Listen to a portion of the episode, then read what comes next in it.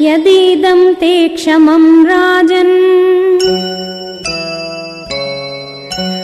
गमिष्यामि यथा गतम् मिथ्याप्रतिज्ञः काकुत्स्थ। सुखी भव स बान्धवः।